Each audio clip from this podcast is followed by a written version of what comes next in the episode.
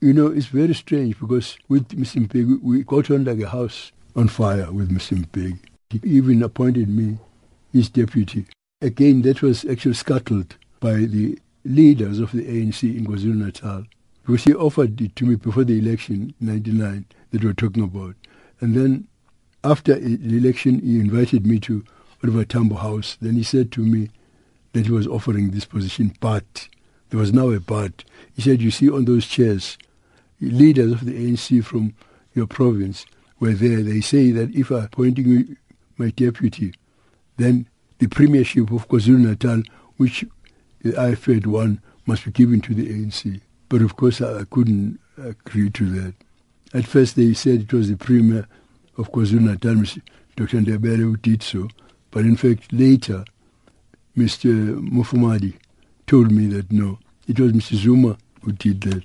It's very strange because I have nothing against Mrs. Zuma except that I share many problems and worries about his style of leadership and what has happened in the country.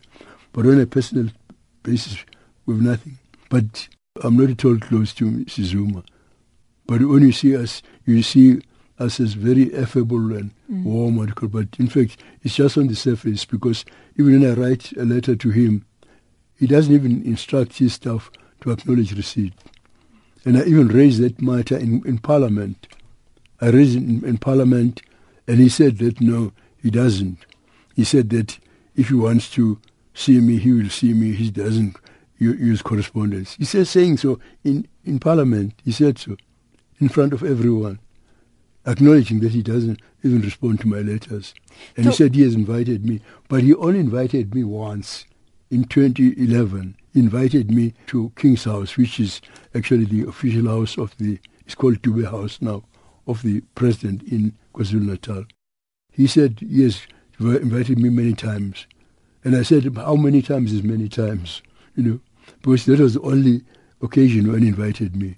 Recently, the Director General said to me that the President said that he must arrange for us to have a cup of tea. But this has not happened, of course, as well. It's very sad for me, really, that my relationship with the head of state is worse than ever than any other head of state before. As jy pas ingeskakel het, Monitor het 'n uurlange gesprek met Dr. Mangosuthu Buthelezi gevoer waarin hy onder meer vroeg oor sy gebrek aan toegang tot president Jacob Zuma bly ingeskakel. Mostly the tripartite partners of of the ANC, the Communist Party and COSATU have in the past been more strident when it comes to uh, attacking me and so. For instance, I've never been to his place myself. Actually, many people have been there, the king and everyone has been there. But he has never invited me. Does that anger you? But no, why? why? Anger? No. I, I, I'm just mentioning the fact that it's a good example of showing that even Madiba invited me even to Maputo because of the friendship we had.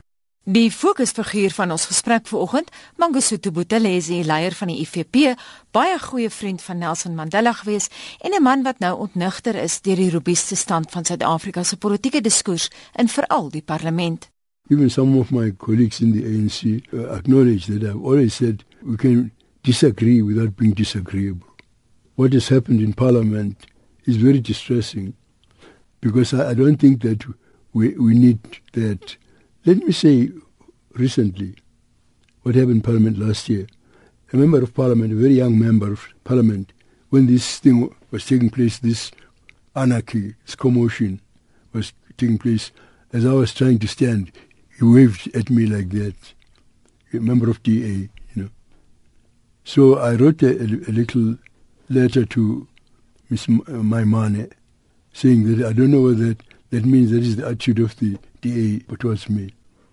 Now, then he responded by saying that, of course, if, if it hurt me, he's apologizing. And then he went on to say that I must realize that now there's more robust debate now. So I, I really wrote him another note and said, robust debate doesn't mean trading insults. You can be robust without trading insults. We are just weeks away from the opening of Parliament. 2015, we had a rather rough start on the very first day. Are you anticipating another dramatic start?